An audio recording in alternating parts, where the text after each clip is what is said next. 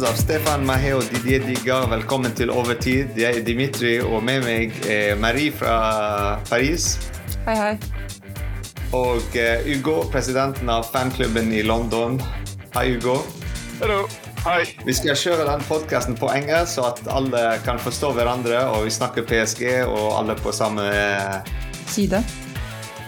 Ja.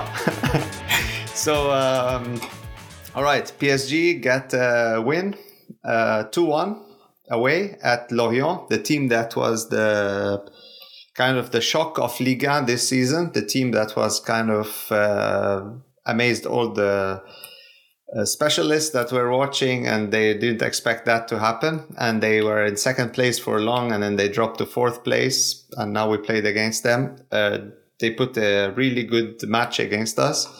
And uh, we're going to talk a bit about that. Let's start with our starting 11 uh, Donnarumma in goal Hakimi and uh, uh, Mendes actually started this match for instead of Bernat uh, on the left uh, wing, and then we have Marquinhos and Ramos as well as Danilo Pereira in back three. Midfield was Verratti Vitinha, and our attack was missing Messi, so it was replaced by Ekitike, and we had Neymar and Mbappe. So it was a match where a couple of changes happened. Tactically, also, we moved away from the um, four uh, defenders, 4 3 3 uh, or 4 4 2. It depends how you look at things. And uh, we went back to the 5 uh, 3 2 um, formation. So, uh, or 5 2 1 2 formation.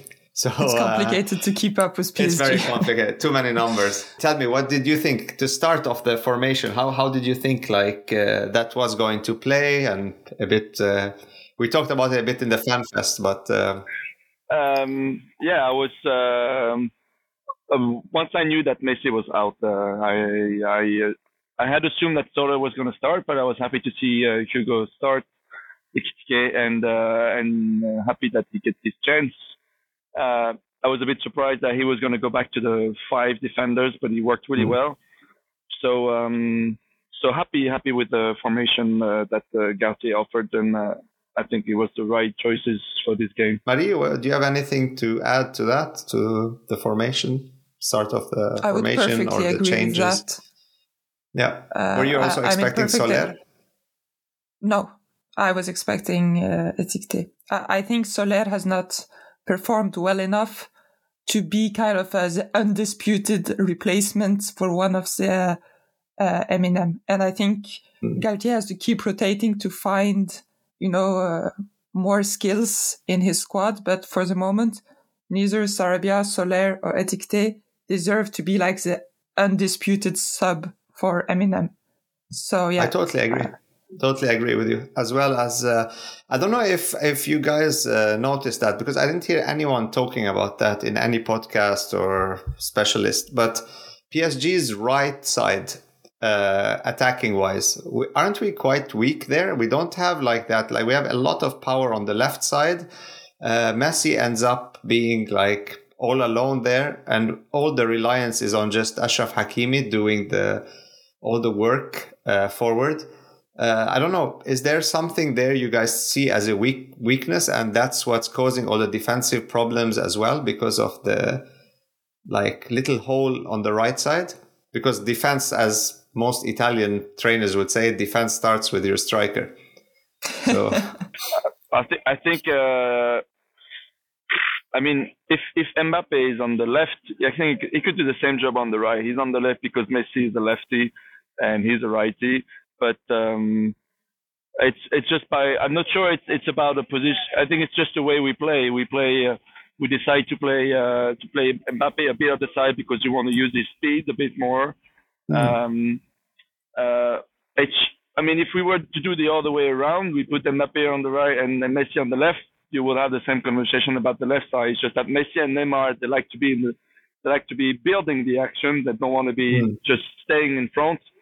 Um, so unless we, we, I mean, with those three players, there will there will always be a a, weaker side, left or right, because Mbappe will not really play a number nine that like we used to have with uh, Icardi or Cavani.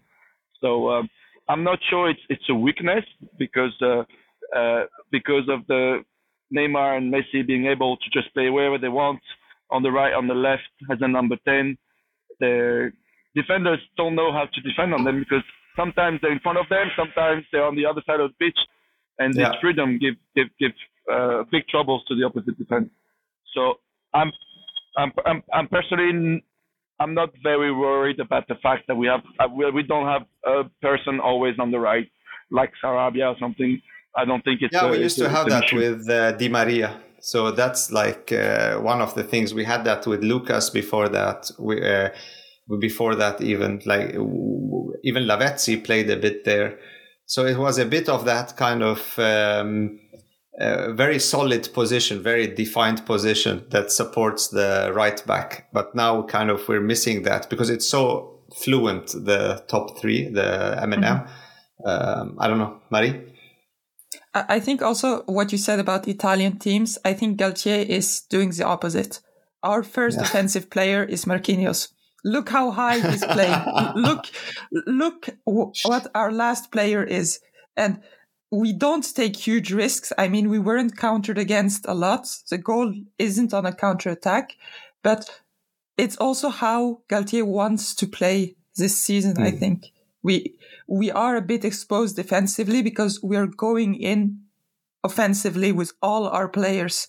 And I, I and also I, I think we're not so exposed defensively when you consider that this was our second goal away in Ligue 1. We, we've only taken two goals in away in Ligue 1, which is very good. I yeah. mean, and the first one was in Lille when we beat them 7-1. So quite frankly, this one I'll forgive. Like no one cares. So I think we're doing quite well. For me, at least, I'm very happy. All right, Marie, since we're with you, give us one positive thing and one negative thing of the match. One positive thing, Danilo is back. He shows us that the system with three defenders works, which is excellent. One negative thing is uh, I feel Ekitike is great at positioning. Many times he was at the right place and then he kind of does nothing with it. He doesn't manage to uh, get that goal, which would have been maybe a bit easy based on the beautiful passes he gets and how well he's positioned. So he still has work to do, but I believe in him. But it's a bit one of the more negative things, I think. Do you have any positive and negative things? Point, one point, one uh, point. Positive thing is uh, we we showed that we can play five behind, and we show we can win in two different uh, systems, four behind and five behind. So I think it's positive to have uh, those two those two options uh, and being able to adapt depending on the on the other team. So I'm very happy to get a win in with this formation. Uh, the negative thing is uh, not to get a clean sheet. Uh, I mean, uh, it's it's it's too and um, it's one goal against Lorient. It's three goals against Troyes. What is it going to be if we drew Bayern or City? So that's the the one worry I have uh, for PSG is its defense. Uh, so good thing. Danilo played well. Marquinhos played well, but um, maybe maybe Hakimi and Mendes uh, need to help more. I don't know. I don't know what's what's wrong. I don't have the the answer, but I think it's something we have to fix before if you want to go far in the Champions League. Yeah, because the whole point with the three back is that to free up Ashraf Hakimi and Nuno Mendes and make them more offensive players, uh, to have the M&M play more central role, uh, this tiki taka, uh, five aside, close passes football. But um, it, it, seems that we need all five in defense when uh, people are counter, other teams are countering against us. Uh, we see that often. Uh, that little dip in concentration, that too high line of Marquinhos and uh, Ramos could cost us sometimes because we lack the speed of Ramos that he used to have 20 years ago. So, so 20 yeah, years ago. 20 years when he was 10. Yeah. no, but you know what I mean? Like, like he's not the same yes. Sergio Ramos. Yeah, it's the same person, but it's not the same speed. It's not the same, uh, it's yes, the same course, brain, yeah. the same uh, mentality, the same inspiration, but not the same legs. That's the difference we're missing. Uh, and and to have another captain on the team, we have a lot of them. We have the captain of Brazil, used to be Neymar. We have Messi. We have uh, Marquinhos. Uh, we have, we have we have many captain figures. Uh, we need more uh, runners, move like people who do the job, and that's why we see the difference in Pereira. Actually, that he's doing a job, he is performing. Um, I would say my positive thing is as well uh, Galtier uh, that that he is taking the the, the how we say the chance. Uh, he has the cojones to to do those changes, to switch formations, uh, take out uh, players. Uh, and keep some players on the pitch, like rem- a decision between removing Mbappe or Neymar, and he does, I think, the right decision. Um, choice in instead of playing Soler, who's an established player from Valencia, used to captain Valencia, and then choose Ekitike before him. That's that takes kind of uh, decision, um, and I, it's nice to see someone doing that decisions and taking the responsibility uh, every week. Um, on the negative side, I would say, like uh, Hugo mentioned, and we mentioned many times before, not keeping a clean sheet uh, it also um, makes the defense feel a bit uh, weak for us uh, in future matches. We start losing this confidence, this reliability on each other. Donnarumma st- trusts less the players in front of him. Uh, slowly, you know, it doesn't happen automatically, but it's like over time, if we're always conceding goals, um, yeah, it's uh, it's that.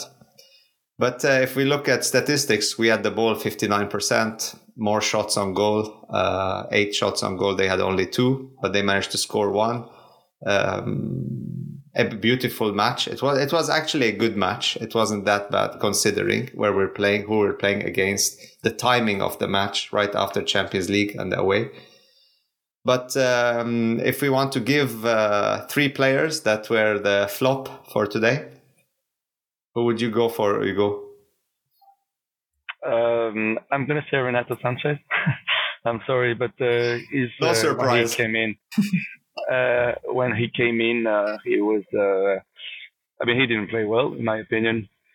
Um, three players, you said. Um, I don't know. Um, maybe I'm expecting too much of Pape, but I don't think he had the many, many opportunities. And when he had the ball, uh, maybe he didn't use it well and hmm. um, uh, maybe Ekitike. Uh, I'm expect. Mm. I'm hoping for more. Uh, he participated in the first goal. That's good. Um, but maybe uh, maybe he would have. He could have. He could have owned more trust of Galtier by playing a better game, and I think he he, he missed a bit of uh, his opportunity. So that, those are the three players that I would say. I hope I'm not too harsh, but I'm actually going to go for three subs uh, I'm gonna go for Sarabia, Soler, and uh, Sanches because I feel they were brought in to be like impactful subs, and they never have any impact. And to me, it's getting a bit tiring. You, yeah. Uh, of course, their role is to be uh, backup players, so they don't play always. But the whole point of having players like this is like having a, a Bale who will come in, do a bicycle kick, go home, and no. we are very far away from bicycle kicks. So for me today, I want to shout these three player out because they're uh, yeah they're not doing at all what we're expecting of them. Yeah, especially Sarabia. I totally agree. Uh, mm-hmm. After last season, he did really well back in Portugal, and then he came, and then we were expecting, hoping that they keep him in the squad, uh, and they did that. But I don't see him delivering uh, really. Maybe because we have the M&M up front and we're expecting too much from people coming in, uh, subs coming in to fill in like the shoes of Messi or uh, Neymar is really difficult or to run as fast as Mbappe on the passes, uh, through passes. Uh, so we expect too much from Ekitike sometimes. So I would say three would be uh, Sanches for sure, uh. Uh, I was like, there are two players, Mbappe and Vitinha. It's because we were expecting two more from them today. Mm-hmm. Uh, the, like Vitinha was not bad, but he wasn't impactful uh, today. We saw it that uh, uh him, uh, like he caused Verratti a lot of problems. He made Verratti kind of run extra uh, have to how do you say uh, go out of his own position to cover up for Vitinha because of the running back and stuff. Uh, but then the substitution didn't really help much. Uh, Sanches didn't do even a better job. So Sanches takes uh, takes Vitinha's place easily. So um, uh, yeah, but then uh, top three. For once now we can't say Eminem. So uh, top three. My top three: Neymar, of course. Verratti, I feel he does a very good game. He has to pick up a lot of slack from many others. And Danilo, because like Verratti, he picks up a lot of slack and he scores a goal. I mean, he hadn't scored this season, and I'm very happy to see that he's able to get one goal. So yeah, Neymar at the top and Verratti, Danilo. You agree or? Um, I completely agree. Uh, Neymar for sure. Uh, Danilo Pereira because he has this goal is very important as well. Um, problem is, uh, if it was me, I, I, would put Verratti every every single game he's playing because he's my yeah. favorite player, and I'm always amazed at what he can do. Welcome um, to the um, church of Verratti here, also. uh, but um, I was always also happy with uh, with I mean with Marquinhos, but more on the first half. I think maybe the second goal he could have done mm. better.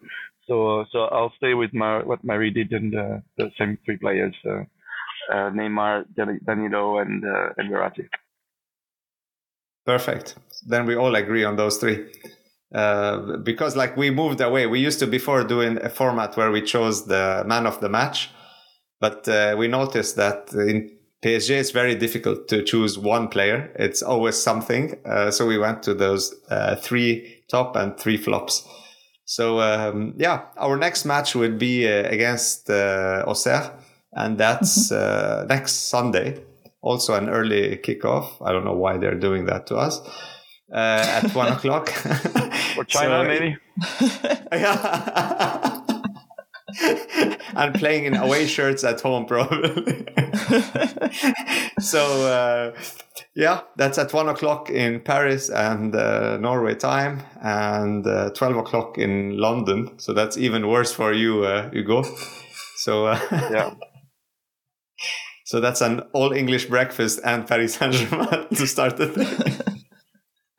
yeah, two games uh, in two weeks at this time is uh, is surprising. Um, it's really uh, surprising. I mean, we, we need we need the three points obviously, and um, it should be an easy game. But uh, I'm gonna say again about professionalism. We, we're getting very close to the World Cup, so. Uh, um, I don't know. We'll see what Galtier is going to decide uh, for the starting eleven. But um, mm. we got we, we definitely need to to get the three points. So hopefully we can score many goals in the first half and and change the players like Neymar and Messi. I hope Messi can play. I hope uh, today was just an exception, and I hope we'll see him again. Uh, we have the M&M in front uh, against us now.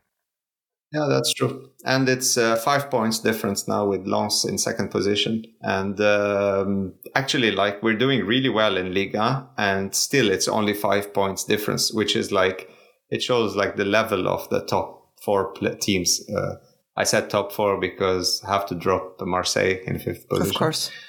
But uh, uh, it's always like you set the limit wherever Marseille is. So if Marseille is in the third, you say the top two, you know. top one. so you cut you cut the line just before. so yeah, no, but the level is really well in the top four. Uh, it's like they're really kind of Rennes is doing really well. Uh, Lorient mm-hmm. today. They, they showed us really that they are a good team. Don't, let's not forget who they're playing against. They're playing against Paris Saint Germain, who qualified in the World in the sorry um, uh, Champions League right now, and most of their players now are going to go to the World Cup. They're like top international players playing against them. Um, like we, we complain a bit about like Renato Sanches or or let's say uh, Sarabia or something, but any other team in Liga would wish to have those players uh, that we're mm. complaining about. So in a way, it's uh, we're lucky to have that. Thank you very much, Hugo, and good luck for your uh, match today. Who are you yeah, playing against? Thank you. Oh, it's a it's a friendly game, so we we just uh, just a game uh, between each other. So it's a five side game, but right. Uh, I'm happy you say good luck because uh, it's pouring rain, so it's gonna be a typical London game uh, with being soaked at the end, and not from sweat, just from rain. but, yeah. Thank you. sounds good. Sounds good. But uh, thanks for joining and being with us Yeah. at the Fan Fest. And I hope we see you as well in the Fan Fest. And if you want to join the podcast, just give us a call. We just do that. We think it was Love nice to join having again. Thank you guys for having me. Marie, Thank you so much. tusen takk at du var med. Og uh, let's do our uh, final chant. Ici c'est Paris. Paris.